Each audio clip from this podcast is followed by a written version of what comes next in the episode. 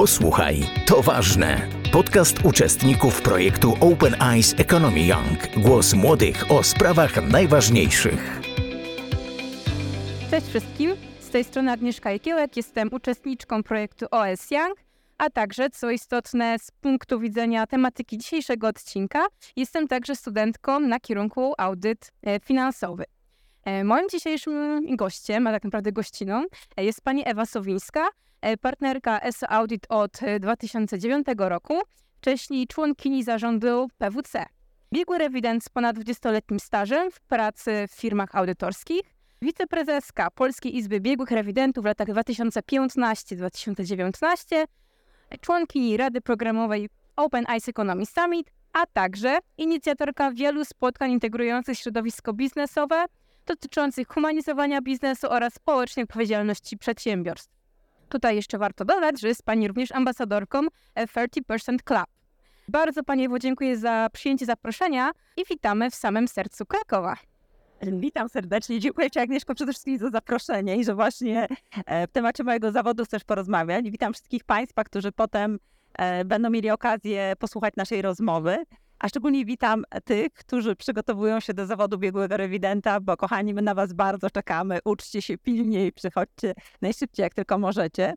E, I rzeczywiście e, bardzo Ci dziękuję za przedstawienie tych, e, tych ról, w których gdzieś tam poza pracą zawodową się przedstawiam, bo te wszystkie kwestie, które są związane ze zrównoważonym rozwojem, z takim humanizowaniem biznesu, te branie odpowiedzialności przez biznes za swój wpływ na ludzi i na klimat, są to dla mnie bardzo ważne rzeczy. Słowa mnie cieszą wewnętrznie. Chciałam podpytać już na samym początku o te właśnie Pani początki, początki takiej kariery w rewizji finansowej. Jak to wszystko się zaczęło? Skąd, skąd pomysł na siebie, aby pójść tą, tą drogą? Pamiętam, co było początkiem, ale e, tych, tych różnych sygnałów, które dawały mi znak, że być może to będzie mój zawód przyszłości, było kilka. E, takim inspiratorem do podejścia do tego zawodu był mój tato, którego kolega był właśnie biegłym rewidentem i on postrzegał, że to jest właśnie taka ważna pozycja. Może jeszcze ten kolega nie był biegłym rewidentem, tylko biegłym księgowym, bo z czasem ten zawód zmienił nazwę i został bardziej doregulowany. E, potem były takie, takie powody, że łatwo mi przychodziła rachunkowość, jakoś szybko do mnie przemawiała. E, ale z drugiej strony wiedziałam, że to pracowanie w działach finansowo-księgowych firmach nie do końca będzie też obszarem, w którym się będę czuła, że się sprawdzę. I zupełnie e, przez przypadek dowiedziałam się, że się zaczynają e, kursy e, dla kandydatów na biegłych rewidentów. I wtedy sobie pomyślałam, to jest ten moment. Co prawda, to był dla mnie trudny rok, bo to był rok, w którym mój ojciec odszedł tak nagle. I wtedy sobie pomyślałam, że może te dwie daty się tak schodzą razem. Ojca marzenia o moim zawodzie, ten, ten, ten sygnał, który do mnie przyszedł i zdecydowałam się na to, że przystąpię do tych egzaminów, no i zostanę biegłą rewidentką. E, I dodatkowym atutem tego zawodu było dla mnie i ciągle jest to, że wykorzystując wiedzę z rachunkowości, między innymi, bo nie tylko, e, jestem po stronie przychodów firmy, e, czyli nie jestem na takim zapleczu, bo często te osoby, które wykonują bardzo ciężką pracę w działach finansowo-księgowych, nie są doceniani w swoich firmach, nie widzi się efektu ich pracy, bo część osób myśli, że oni generują koszty, a nie przychody. No ale te wszystkie przychody, te wszystkie koszty ktoś musi zaewidencjonować, poukładać je w odpowiedni system i przeczytać, co to oznacza. Ale dla mnie jednak to, że mogłam być po stronie e, doradcy, biegłego rewidenta, kogoś, kto generuje swojej firmie przychody, było ważne. I w tym 94 roku przystąpiłam do kwalifikacji na biegłego rewidenta. Droga była dość zawiła, bo te e, zasady, na jakich przystępujemy, to co musimy zrobić, nie były jasne, nie były czytelne. Pamiętam taki moment, kiedy zdawaliśmy pierwszy egzamin z rachunkowości. Ja z tej rachunkowości byłam całkiem dobra. No i był moment, że mm, już było po egzaminie, był termin, kiedy można było zadzwonić i się dowiedzieć, jakie są wyniki egzaminu. Każdy z nas, bo grono takich znajomych sobie zawiązaliśmy grupę wsparcia, wzajemnie się uczyliśmy, motywowaliśmy do działania. E, poprosiły mnie koleżanki, żebym to ja zadzwoniła i sprawdziła, podały mi numery swoich indeksów sprawdziła wyniki egzaminu. E, I, e, I ja e, mówię, oczywiście, że to zrobię. I dzwonię, oczywiście zaczynam od swojego numeru, a pani, która odbiera telefon, mówi mm, i podaje jej od razu indeks, numer indeks, a pani mówi, no niestety nie zaliczyła pani tego egzaminu, ale mam dla pani dobrą wiadomość. że uzyskała Pani tę minimalną ilość punktów, po, powyżej miała Pani te punkty, żeby zaliczyć, ale warunkiem drugim było to, że każdy obszar z tej rachunkowości trzeba było również zaliczyć, a ja nie zaliczyłam e, tej rachunkowości e, bankowości, bo nigdy się z nią nie miałam okazji zetknąć. Ja wtedy mówię, ale mam jeszcze koleżanki, które chciały, żebym sprawdziła. Ona mówi, nie zdały. Ja mówię, ale jeszcze nie wymieniłam numeru indeksu. A pani mówi, nikt nie zdał tego egzaminu. Wtedy dopiero zrozumieliśmy, jak e, te e, niezrozumiałe dla nas były reguły, to były punkty ujemne za źle udzieloną odpowiedź. Ja wtedy miałam taką tendencję, że na wszystko chciałam odpowiedzieć e, i te minusy też powodowały. I to powodowało, że jeszcze bardziej się chyba zmobilizowaliśmy, jeszcze bardziej chcieliśmy razem działać. No i nie ukrywam, że jak ja się podejmuję jakiegoś działania, to, to robię to tak na full, na 100%. Chcę osiągnąć to w miarę szybko I rzeczywiście przystępowałam do egzaminów. E, po drodze były też inne, których nie zdałam, na przykład z podatków, z których byłam wtedy bardzo dobra. Dopiero zadałam za trzecim razem i wtedy dostałam piątkę, a wcześniej te, te, te dwójki się dostawało, ale powody były przeróżne. W razie muszę się pochwalić, bo to myślę, że jest warte pochwalenia. E, kiedy był już ostatni egzamin, do którego można było przystąpić wtedy, kiedy się zdało wszystkie wcześniejsze, bo inne egzaminy można było sobie e, wybierać, może nie w dowolnej kolejności, ale w pewnych e, na skróty. To wtedy była taka sytuacja, że w jakimś momencie tylko sześć osób mogło przystąpić do tego egzaminu. E, z tych sześciu osób byłam również ja, a trzy osoby były z Gdańska. No i poczekano, bo to była za mało liczna grupa, żeby ten egzamin ostatni uruchomić. Taki egzamin pisemny, to nie był jeszcze ten dyplomowy. I wtedy było 12 osób i wśród tych 12 osób byłam też ja. E, I e, właśnie e, to była taka niesamowite doświadczenie, bo to pokazało, że jesteśmy jednak zdeterminowani. Tam w Gdańsku mieliśmy silną grupę. I dodatkowo, mm, I dodatkowo było to, ja od razu, jak tylko mogłam rozpocząć aplikację, pewne były warunki, nie chcę wchodzić w szczegóły, bo one już nie dotyczą waszych czasów, no to byłam pierwszą osobą w Polsce, która skończyła aplikację na biegłego rewidenta. Wtedy jeszcze nie było wzoru tego dokumentu takie miałam poczucie, że jestem pionierką i to, to, to było i, i, i tak zawsze wtedy myślałam też o moim tacie i tak mówię, to to no dałam radę, zdecydowałam się, na początku nie chciałam, ale jednak, jednak to do mnie wróciło, miałeś intuicję, co jest dla mnie dobre. No i jestem, funkcjonuję w tym zawodzie i myślę, że to jest zawód, e, który pasuje do mnie, a ja do tego zawodu. Znakomita historia i dziękuję, że Pani się z nią tutaj podzieliła, bo rozumiem, że też była dosyć na pewno osobista dla Pani i bardzo trudna.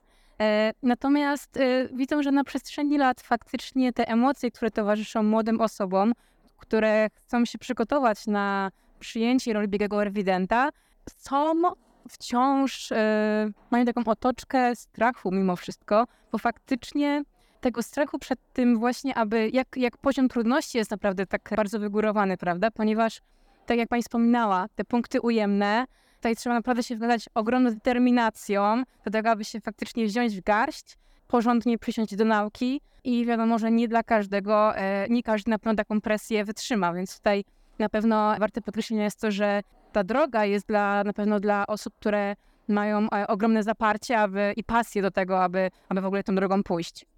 E, tak, ja, ja, ja cały czas jestem przekonana, że to jest wymagająca droga, trudna i nie każdemu w danym momencie jego życia e, jest to możliwe, żeby zainwestować tyle czasu i wysiłku w to, ale z drugiej strony to zawód biegłego rewidenta jest zawodem, e, który przyciąga ludzi odważnych, e, odpowiedzialnych i takich, którzy mają wpisane w swoje, jak to się mówi potocznie, DNA, taką chęć ciągłego rozwoju.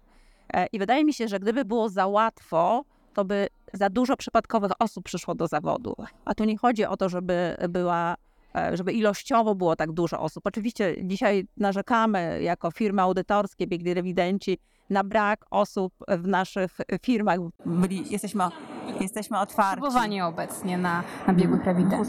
Bardzo duże. Ja patrzę Pracowałam w korporacji, teraz pracuję już od 2009 roku, tak jak powiedziałaś, w swojej firmie e, Weso Audit e, i naprawdę potrzebujemy co roku kilku nowych osób, a na przykład my mamy takie plany, żeby się trochę dynamiczniej teraz rozwinąć, e, to, to, to nie mamy za dużego wyboru. E, nie mamy. Bo często się myśli, że wystarczy tylko znajomość e, rachunkowości, żeby przystąpić do naszej pracy. No bo rewizy to my sobie zakładamy, że będziemy uczyli i będziemy uczyli w działaniu.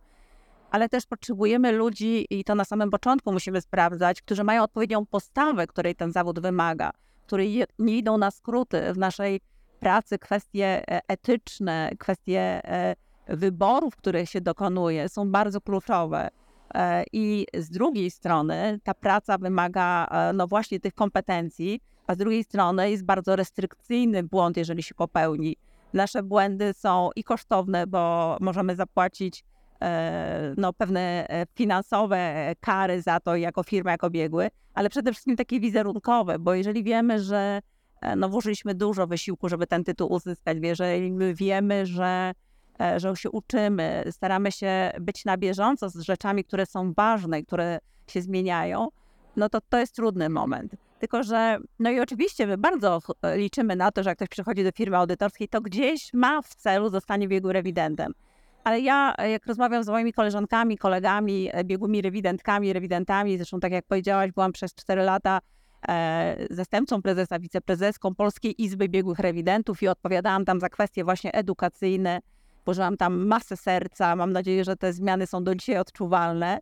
E, ale zdajemy sobie sprawę, że, że nie każdy młody człowiek, który przyjdzie do pracy w firmie audytorskiej, e, musi zostać biegłym rewidentem. Fajnie jak zostanie bo e, ja, tak jak powiedziałaś, przez wiele lat, prawie 13 pracowałam w PWC i tam co roku uczestniczyłam w rekrutacjach. Co najmniej 100 osób przyjmowaliśmy w tamtych czasach, jak ja pracowałam. E, lubiłam te rekrutacje, bo one mnie bardzo dużo uczyły, dawały mi świadomość kto przychodzi do zawodu, e, na czym się, e, w czym się chce specjalizować, bo ja tam wcześniej mówiłam, że ta rachunkowość jest ważna, ale te wszystkie kompetencje około, te technologiczne, umiejętność organizacji pracy, tych te kompetencji jest tak dużo. I dlatego wydaje mi się, że praca w firmie audytorskiej, niezależnie od tego, jaką drogę wybierzemy, jeżeli chcemy potem pracować w biznesie, w różnych rolach w tym biznesie, a de facto również jak chcemy zostać prezeskami czy prezesami, to e, doświadczenie w firmie audytorskiej jest bardzo dobrym doświadczeniem do tego typu ról. Poznajemy w ciągu roku e, tyle firm, uczestniczymy w badaniach tak wielu różnych firm, dużych, małych, z branży usługowej, przemysłu, handlowe, różne branże w sensie technologii. Ja na przykład jestem z Gdańska, więc my mamy w swoim portfolio dużo klientów związanych z branżą morską i zarówno z transportem morskim, jak i stoczni i różne inne usługi. To jest taka wiedza, której się nie dostanie w największej e, firmie, która jest koncernem ogromnym, międzynarodowym, ale tam jednak skupiamy się na jednym dziale. Poznajemy firmy, oczywiście to jest bardzo też rozwijające, ale tutaj poznajemy różne modele biznesowe, kultury organizacyjne, które potem ostatecznie decydują, czy chcesz, chcemy gdzieś pójść, czy nie. I dostajemy taką wiedzę, jak sprawdzać czyjeś decyzje, jak udowodnić, e, że to, co ktoś oświadczył w sprawozdaniu jest właściwe. I te wszystkie e, narzędzia, których się uczymy w firmie audytorskiej, są przydatne na każdym etapie biznesu, a również właściwie pomyślałam sobie w edukacji, bo ja teraz na przykład e, ciągle pracuję w audycie, ciągle się tym pasjonuję, badam sprawozdania, ale jednak ciągnie mi już w kierunku edukacji. Chcę się dzielić z ludźmi tym, czego ja się nauczyłam nie tylko w ramach swoich firm, ale również od moich klientów, od tych, z którymi współpracowałam, bo mm, to my jako biegli rewidenci podążamy za naszymi klientami. To my się musimy uczyć tego, co się zmienia w ich biznesie i my musimy to zrozumieć, więc wszyscy są e, nauczycielami, ale też młodzi ludzie, którzy przychodzą do nas, są nauczycielami nas, tych nowych technologii, nowych oczekiwań. E, no, jest to naprawdę ciekawa praca, więc e, jeżeli będziesz rozmawiała jeszcze ze swoimi koleżankami, niezależnie od dzisiejszej rozmowy, zachęcaj ich, żeby przyszli. Niech przyjdą na jakiś czas, nauczą się wielu rzeczy. Do kwestii e, Pani doświadczenia w etapie rekrutacji nowych, nowych pracowników. Myślę, że tutaj część naszych słuchaczy to są właśnie młodzi ludzie, którzy myślą o tym, aby rozpocząć swoją karierę właśnie w firmach audytorskich. I tutaj z Pani punktu widzenia, nagromadzonego doświadczenia, czym taka osoba może się wyróżnić? Jakby na co najbardziej zwraca się uwagę, podczas gdy mamy tam pewnie 100 z tych e, CV i, i, musimy faktycznie kogoś wybrać. Czym taka młoda osoba może się wyróżnić spośród innych osób, aby to właśnie ona e, dostała tą pracę? Będę e, przedstawicielką większości osób, które rekrutują w moim zawodzie, bo ja bardzo dużą wagę przywiązuję do spotkania bezpośredniego z kandydatami. Mam wrażenie, że te CV nieraz nie odzwierciedlają tego, co, co jest w tych osobach, e, ten błysk w oczach, ten sposób mówienia.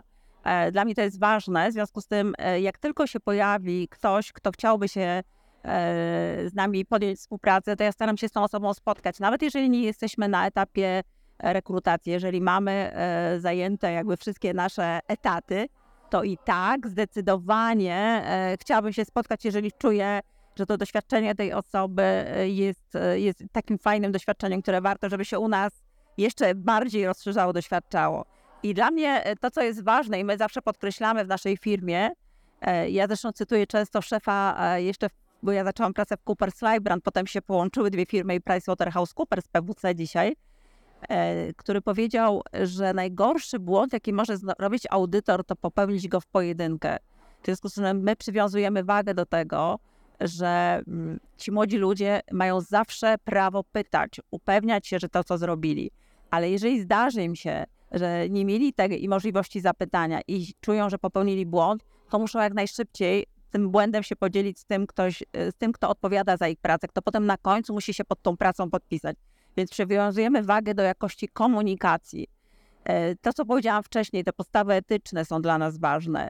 Ważne jest też oczywiście znajomość narzędzi, e, takich jak Excel, różna umiejętność obsługi tej nowych technologii, E, no ale też oczywiście e, mile widziana jest znajomość rachunkowości, co oczywiście nie jest jedynym kryterium, które decyduje, że jeżeli nie znasz rachunkowości, to my nie jesteśmy w stanie jej nauczyć. Możemy też to zrobić, oczywiście szybciej zaadoptuje się w naszej pracy ktoś, kto zna rachunkowość. Umiejętność rozmawiania, ale i umiejętność słuchania, umiejętność takiego zadawania pytań, takiego E, podważania, e, czy to, co zrobiłam, zrobiłem, czy te materiały, które zgromadziliśmy, są wystarczające, żeby móc podjąć decyzję. Więc dużo takich miękkich kompetencji, które jeżeli już są w kimś, to się tutaj na pewno w firmie audytorskiej e, mogą rozwinąć, no i potem być bardzo przydatne na całym etapie swojej kariery zawodowej. Młodzi ludzie są dosyć elastyczni pod takim właśnie względem, często mają okazję nabywać takie te umiejętności miękkie. Na pewno to jest ogromny plus dla nich, o ile właśnie z tych możliwości e, korzystają w własnym zakresie. Zapraszam. Tutaj o tej etyce y, troszeczkę już napomknęliśmy, natomiast chciałabym ten aspekt rozwinąć. Y, jak te wyzwania etyczne, jakie te wyzwania etyczne stają przed osobami, które zaczynają pracę w tej dziedzinie i jakie są główne aspekty tej odpowiedzialności, którą muszą ponosić w związku z tym zawodem? Zawód biegłego rewidenta jest za, zawodem zaufania publicznego. W związku z tym e, my mamy swoje pewne rozwiązania, które e, uwiarygadniają ten zawód, ale przede wszystkim musimy swoją pracę wykonywać, decyzje, które podejmujemy, musimy mm, wykonywać w oparciu o regulacje, które są w ustawie w ustawie o biegłych rewidentach i firmach audytorskich, e, ale również za każdym razem musimy patrzeć na kwestię kodeksu etycznego. E, I ten kodeks etyczny jest, jest przygotowany przez organizację międzynarodową IFAC. My ją, e, ten kodeks adaptujemy do swoich polskich warunków, przetłumaczymy na język polski. E, jednak ten kodeks dotyczy właściwie wszystkich profesjonalnych księgowych. I to, co jest ważne w tym kodeksie, to jest ważne w naszym zawodzie, że każdy profesjonalny księgowy, w tym biegły rewident, podejmując decyzje w sytuacjach trudnych, takich no, dylematów, jak mamy w jaką stronę pójść, to za każdym razem musimy tę decyzję podejmować przez pryzmat interesu publicznego. E, to jest coś, ja też prowadzę zajęcia e, z osobami, które są e, na studiach już na tym poziomie magisterskim czy podyplomowym, których właśnie zdobywają uprawnienia z zakresu księgowości, to podkreślam to, że, że muszą pamiętać, że że nie tylko biegły rewident, ale całe nasze otoczenie e, profesjonalnych księgowych musi się tym kodeksem jakby posługiwać i przez jego pryzmat podejmować decyzje.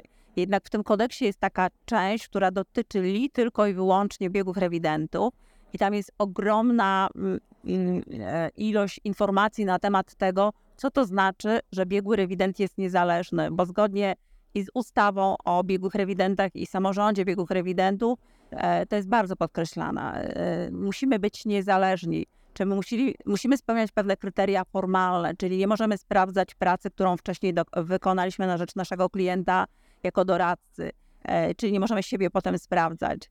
I de facto kiedyś, bardzo mocno mówiąc o naszym zawodzie, podkreślaliśmy tą rolę doradcy, że mając doświadczenie przekroju tylu, tylu firm, możemy też być doradcą. Ale teraz coraz częściej jest tak, że e- ewidentnie, e, pomimo że usługi niektóre nie są zakazane, jeżeli to nie są jednostki zainteresowania publicznego, to jako biegli rewidenci czujemy, że mamy większy komfort wtedy, kiedy nie świadczymy e, tych usług, mimo że je możemy świadczyć na rzecz klienta audytowego, a w mojej firmie my akurat staramy się de facto ograniczać usługi doradztwa do minimum. Wydaje nam się, że jednak punkt widzenia niezależnego biegłego rewidenta jest e, trochę bardziej sceptyczny, trochę bardziej e, patrzący na, na ryzyka, które są w decyzjach firmy, e, nieusprawiedliwiające pewnych decyzji, oczywiście akceptujące rozwiązania, które są adekwatne do tego, co firma robi, jak to robi, ale, ale musimy być bardziej z boku, właśnie niezależni.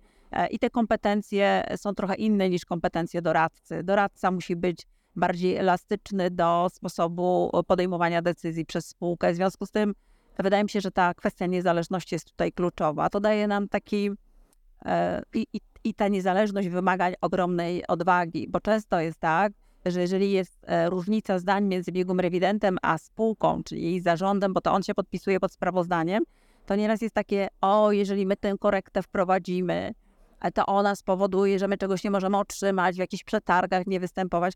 E, I my, pomimo że możemy to rozumieć, musimy stać obok tego, bo my nie jesteśmy od tego, e, żeby usprawiedliwiać firmę. My mamy stać na straży regulacji i tego interesu publicznego. Interes pokazuje, że pewną informację trzeba ujawnić, bo jest istotna dla czytelnika sprawozdania, a pewna korekta powinna być prowadzona, żeby ktoś, kto się opiera na tym sprawozdaniu, podjął właściwą decyzję.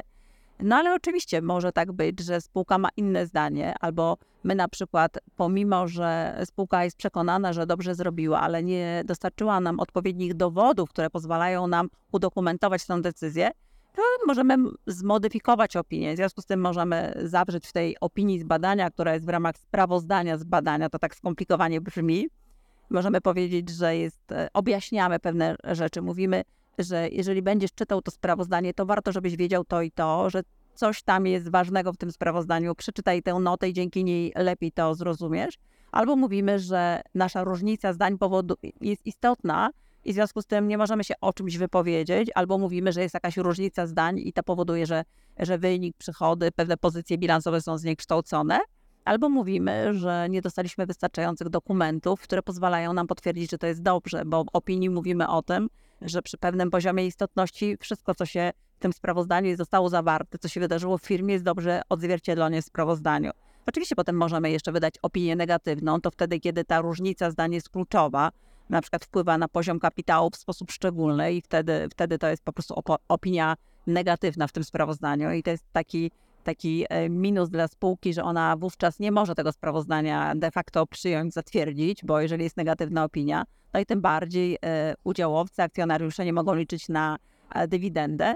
Jest jeszcze kolejna forma opinii, czyli zrzeczenie wydania się opinii. To znaczy, że ta sytuacja, kontrola wewnętrzna w firmie albo dane, które są kluczowe, są, są tak niejasne, że może się okazać, że my nie umiemy na tej podstawie wyciągnąć wniosków. Nie to, że nie, nie potrafimy, że mamy ograniczenia w swoim myśleniu, ale ta niepewność, czy wszystkie zobowiązania warunkowe, wszystkie ryzyka są i wtedy jest tak zwane zrzeczenie wydania się opinii e, i wówczas e, niektórzy myślą, że to nie jest opinia, to jest forma opinii zakończenia. Wtedy mamy często negocjacje z tym klientem, czy my żeśmy pracę wykonali, czy powinni nam za tą usługę zapłacić. No, ale to jest rzadko występuje, bo dzisiaj e, rozsądne są firmy, nikt sobie nie pozwala na takie różnice zdań, a biegły rewident nie, nie, nie ma powodów, żeby e, nie uwzględniać wyjaśnień czy dokumentów, które mogą go przekonać, bo na końcu dnia najkorzystniejszą dla nas też rodzajem opinii jest tak zwana opinia czysta, niemodyfikowana, bo ona jest najmniej czasochłonna, bo jeżeli musimy tę opinię zmodyfikować, to musimy tylu różnych ludzi, e, no, to w firmie różno, e, różnie rozwiązuje, robimy takie panel, partners panel risk, musimy się w większym gronie skonsultować, czy rzeczywiście wszystkie te elementy, które wpływały na naszą decyzję, zostały dobrze udokumentowane, właściwie wyciągnięte wnioski. Także, także tak to jest po prostu. Ten kodeks etyczny jest kluczowy.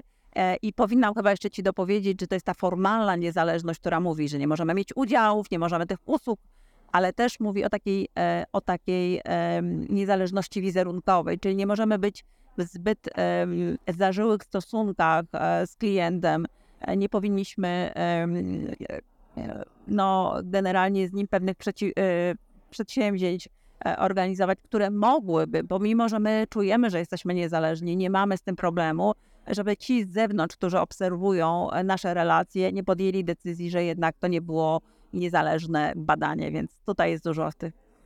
Dziękuję i bardzo się cieszę, że to właśnie wybrzmiało teraz tak głośno. Po rozmawianiu właśnie z rówieśnikami, którzy gdzieś tam planują swoją e, ścieżkę kariery właśnie potoczyć stronę e, rewizji finansowej, obawiają się e, takiej tej odpowiedzialności etycznej, także był to na pewno bardzo ważny aspekt, który myślę, że dużo im troszeczkę rozjaśnił tutaj w tym, w tym aspekcie. Wrócę jeszcze do mm, innowacji w tej rewizji, bo tutaj właśnie skorzystam z Pani doświadczenia oczywiście i jakby mogła Pani powiedzieć na przestrzeni lat, jak bardzo te technologie były wdrażane i jaki one miały wpływ na, na dzisiejszą praktykę rewizyjną. No, jak zaczynałam pracy w firmie audytorskiej, to i tej dużej, to były jeszcze ręczne dokumentacje, e, ogromnej ilości segregatorów, wszystko gromadziliśmy w wersji papierowej, potem e, jak e, kolejny rok badaliśmy klienta, to często było tak, że ten e, bagaż nas to były, były zeszłoroczne e, file tak zwane, czyli te, te segregatory z dokumentami. Potem zaczęły się pojawiać różne rozwiązania, które ułatwiały nam sposób dokumentowania, opracowania tych materiałów. E, a dzisiaj oczywiście to wszystko zależy od skali firmy, od wielkości. To wszystko zależy od tego, do jakiej właśnie technologii, na jaką stać. Biegli ewidenci mają dostęp, ale w tych dużych firmach, w tak zwanej wielkiej czwórce, czy czy tych kolejnych po Wielkiej Czwórce, to te rozwiązania technologiczne są, są bardzo zaawansowane. One pozwalają pewne analizy wykonywać, e, no, e, duże dają ułatwienie. Tam, gdzie ta, ta pracochłonność była duża, że trzeba było dużo dokumentów e, papierowych potem wklepywać do jakiegoś Excela, coś. Teraz już bazujemy na, na dostępnych elektronicznych dokumentach od klientów. Ja myślę, że ta innowacja mm, I to wszystko, co u nas jest ważne, to na nowo myślenie, gdzie jest ryzyko. Często jest tak, że te, że te biznesy się tak zmieniają, te, rozliczenia, relacje, transakcje są tak inne niż dotychczas.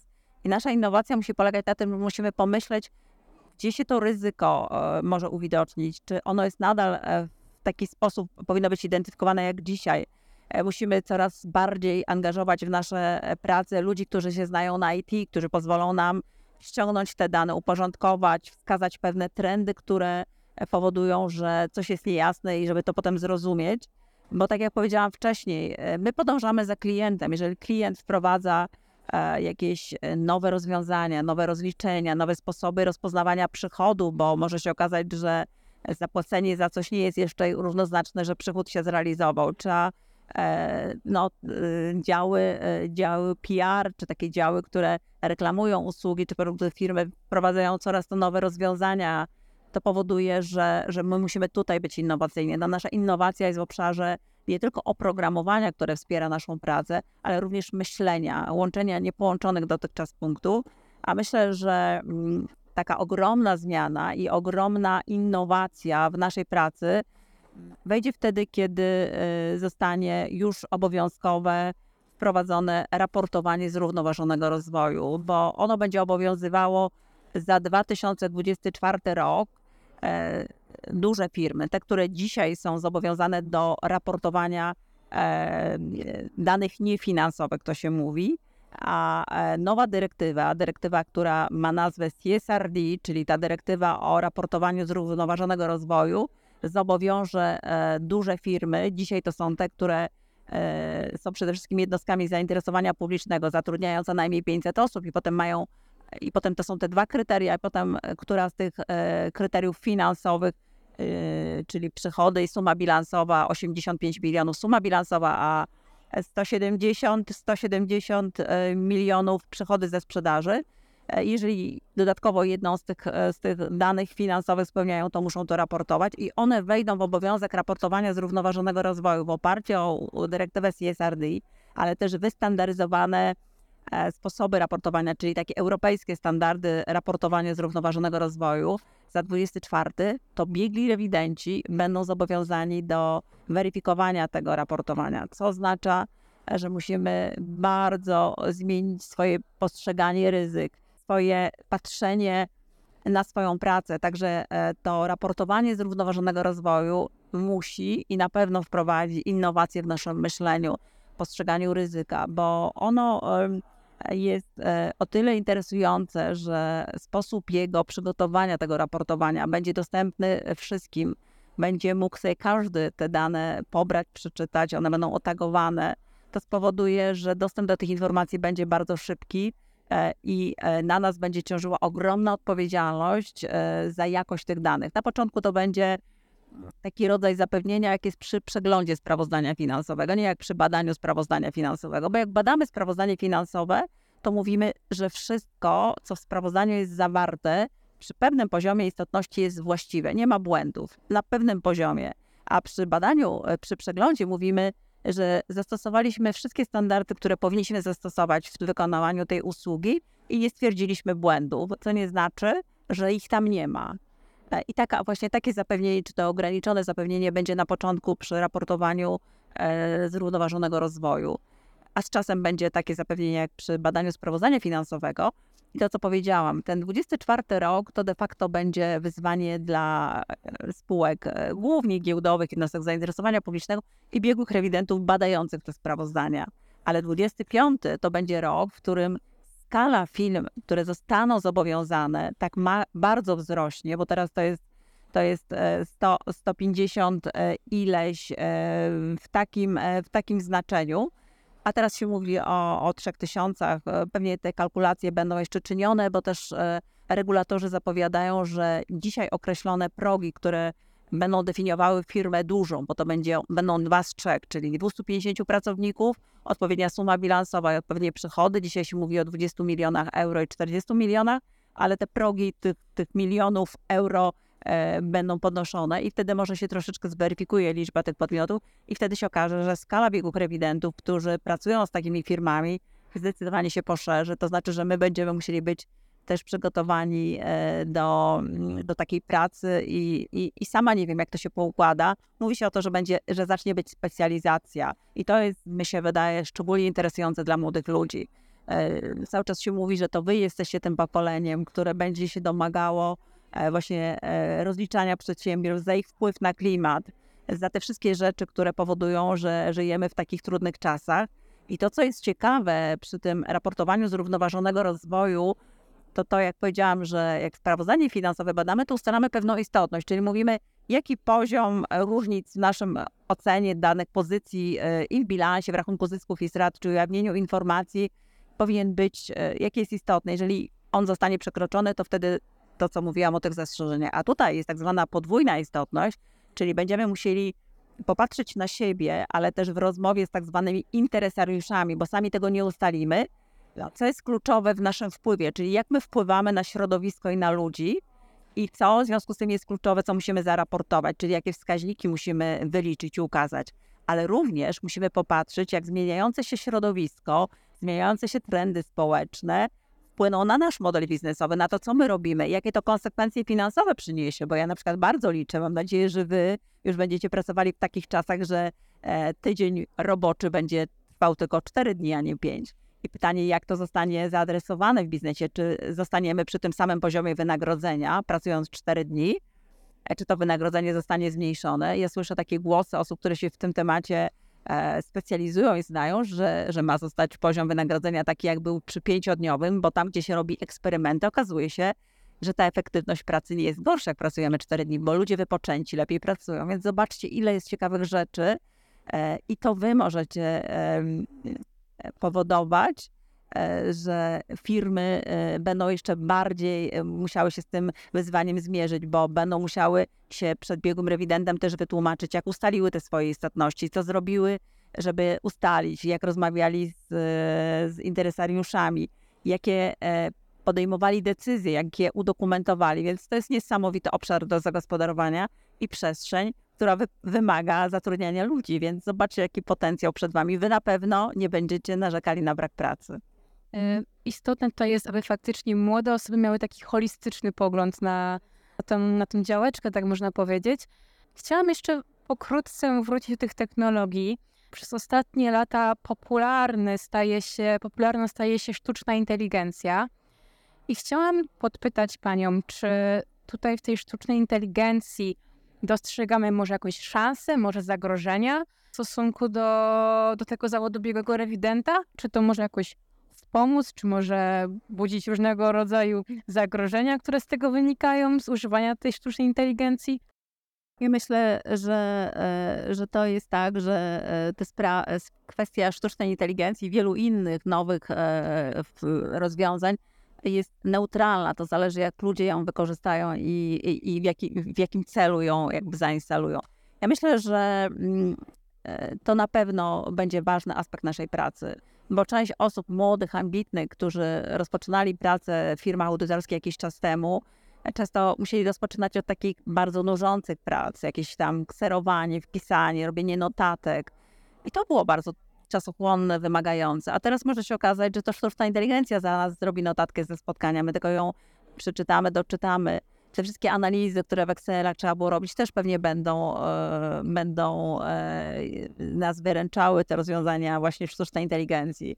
A z drugiej strony właśnie to, że ta praca zostanie może e, zmniejszona, e, wykonywana przez ludzi, ale to spowoduje, e, bo tak jak powiedziałam, my narzekamy na brak młodych osób chętnych do naszej branży i bardzo liczymy, że będą przystępowały. To spowoduje, że ci, którzy będą, będą mieli więcej takiej pracy kreatywnej, a moim zdaniem sztuczna inteligencja jeszcze jakiś czas się tutaj w tym obszarze nie sprawdzi. Będzie więcej czasu na pomyślenie e, o tych wszystkich rzeczach, które dzisiaj są niepołączone, po co to ktoś zrobił, zrozumienie. I tutaj będzie struktura zespołów audytowych się zmieniała, bo kiedyś było tak, że było bardzo dużo młodzieży, im bardziej doświadczona osoba, tym tych osób było mniej. A teraz będzie więcej w zespole osób równych sobie w takim doświadczeniu, e, w kompetencjach, w, w myśleniu. E, I wydaje mi się, że gdzieś na końcu to da nam korzyści, jeżeli będziemy umieli e, tę sztuczną inteligencję wykorzystać. No i też pytanie, bo jednak firmy audytorskie to nie są duże podmioty. E, abstrahuję od tych wielkich firm, od tych międzynarodowych. I pytanie, co to będzie oznaczało, jeżeli chodzi o kwestię e, jakby finansową. Ale niedawno uczestniczyłam w Gdańsku w konferencji organizowanej w Europejskim Centrum Solidarności, gdzie było bardzo dużo młodzieży i rozmawiano o tych rzeczach. No I tam jednoznacznie powiedziano, każda firma, nawet działalność gospodarcza, jeżeli chce się rozwijać, jeżeli chce dotrzymać kroku swoim klientom, oczekiwaniom społecznym, będzie musiała pewne aspekty powierzyć sztucznej inteligencji, żeby mieć więcej czasu na takie działanie z ludźmi, dla ludzi, w takiej komunikacji, więc ja postrzegam to jako, jako korzyść. Najważniejsze, żeby, żeby odpowiednio się do tego nastawić, żeby ją włączać tam, gdzie ona będzie dawała korzyści, a nie próbować y, w ogóle albo wszędzie, gdzie tylko będzie można. A na koniec dnia ten czynnik ludzki tak jest najważniejszy, można z pracy bardziej, można tak to ludzki w sensie E, samej wykonania pracy, ale też myślenia i podejmowania potem ostatecznie decyzji. Tak, dokładnie. Dobrze, e, już tak biegnąc ku końcowi można powiedzieć, chciałam Panią poprosić o przedstawienie takich kilku może porad dla młodych osób, które chciałyby pójść w tą stronę, bazując na Pani doświadczeniach, ale także na tym, na wiedzy, jakie podejście teraz mają młodzi ludzie do, do rynku pracy, jakie mają zagrożenia na nich czyhają, ale również i ogromne szanse. Przede wszystkim zapraszam Was, y, starajcie się e, czytać e, te zaproszenia, ogłoszenia o rekrutacji. Idźcie do firmy audytorskiej, ale e, pomyślcie o tym w takim dłuższym procesie. Nasza praca jest pomimo wszystko pracą, która ma pewne cykle, znaczy jesienią rozpoczynamy moment tak zwanego planowania tej pracy, ofertowania, wysyłamy do klientów swoje propozycje współpracy, jeżeli zostaniemy zaproszeni Potem jest moment, kiedy już te rzeczy się rozstrzygną. Wiemy, że będziemy z, z tymi klientami, których wcześniej poznaliśmy albo nowych współpracowali. Potem jest moment takiego mm, planowania i badania wstępnego. E, spotykamy się wtedy z różnymi ludźmi, którzy w firmie podejmują różne decyzje, ważne decyzje. Chcemy zrozumieć ten model biznesowy firmy, jej e, kontrolę, Potem przychodzi kolejny etap, który podsumuje ten badanie wstępne, ustalamy naszą strategię tego badania, planujemy, co zrobimy, na, na czym zwrócimy uwagę. I wracamy w zależności od tego, w jakim okresie, w okresie stycznia, lutego do czerwca. Nasza praca jest bardzo intensywna.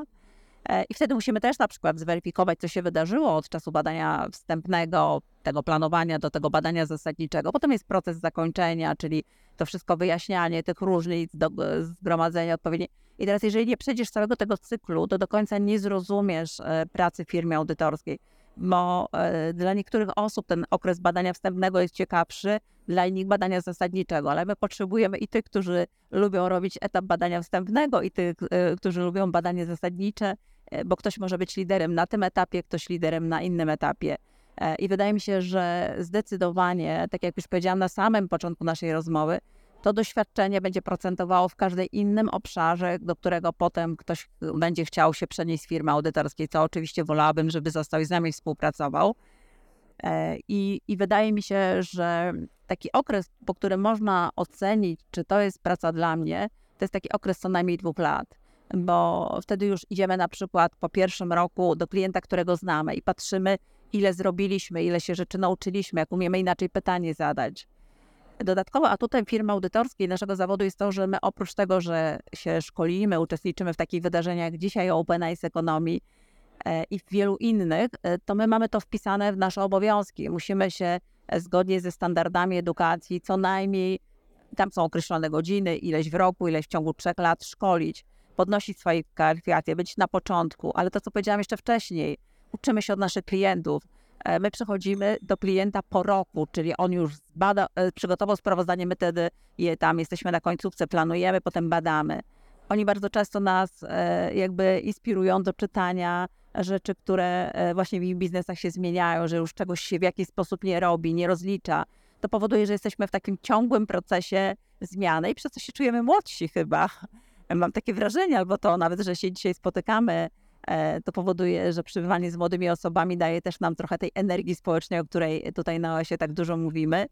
Więc myślę, że to jest naprawdę ciekawa praca. Ja nie mam co do tego żadnej wątpliwości. I jak rozmawiam z młodymi ludźmi, którzy rzeczywiście do tej firmy, do tej, do tej branży, do tej e, profesji pracowali, to zawsze mówili, że pomimo, że w jakimś momencie ich sytuacja życiowa wymagała skupienia się na życiu rodzinnym bardziej, E, musieli zmienić miejsce zamieszkania, różne były powody, to to, e, czego się nauczyli w firmie audytorskiej, potem ich e, wspierało i wspomagało i pozwalało im pozwalało im dostać ciekawą pracę. Często jest tak, że audytorzy są dość znanymi osobami w biznesie, bo chodzą do różnych firm i jeżeli na przykład taka osoba potem idzie do pracy któregoś naszego klienta, kiedy gdzieś tam, to nawet rekomendacja tego, że ta osoba u nas się uczyła swojego zawodu, patrzenia na świat, zadawania pytań, nieraz daje im pewną, pewną rekomendację i lub e, ten e, pracodawca się zgłasza i pyta, e, co my, co my sądzimy, jak, jak wspominamy współpracę z tą osobą, to też jest bardzo ważne, więc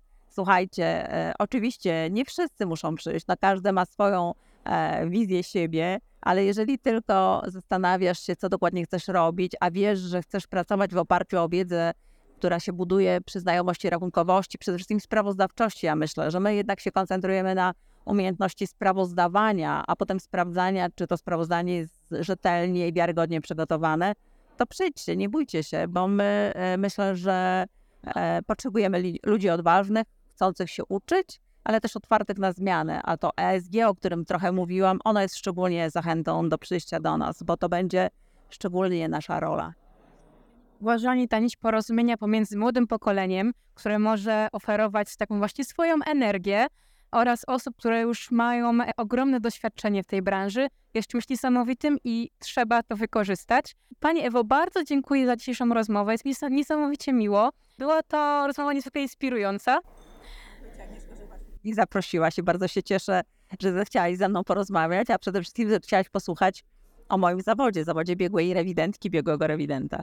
Była to ogromna przyjemność dla mnie i mam nadzieję, że nasi słuchacze, osoby, które zastanawiały się, śmiałym krokiem teraz będą miały odwagę, aby wybrać tą ścieżkę kariery. Tak, i bardzo, bardzo serdecznie na to liczę, ale też jeżeli jesteście na etapie edukacji uczelnianej, to też poproście swoje uczelnie, żeby zorganizowały Wam spotkania z osobami w Waszych miejscach, gdzie żyjecie, gdzie się uczycie, bo my jako środowisko biegłych rewidentów, Polskiej Izby Biegłych Rewidentów, jesteśmy otwarci na takie spotkania i z przyjemnością się spotykamy a nasze regionalne oddziały są e, w prawie każdym mieście, gdzie jest uczelnia, więc jest to bardzo proste i bardzo możliwe.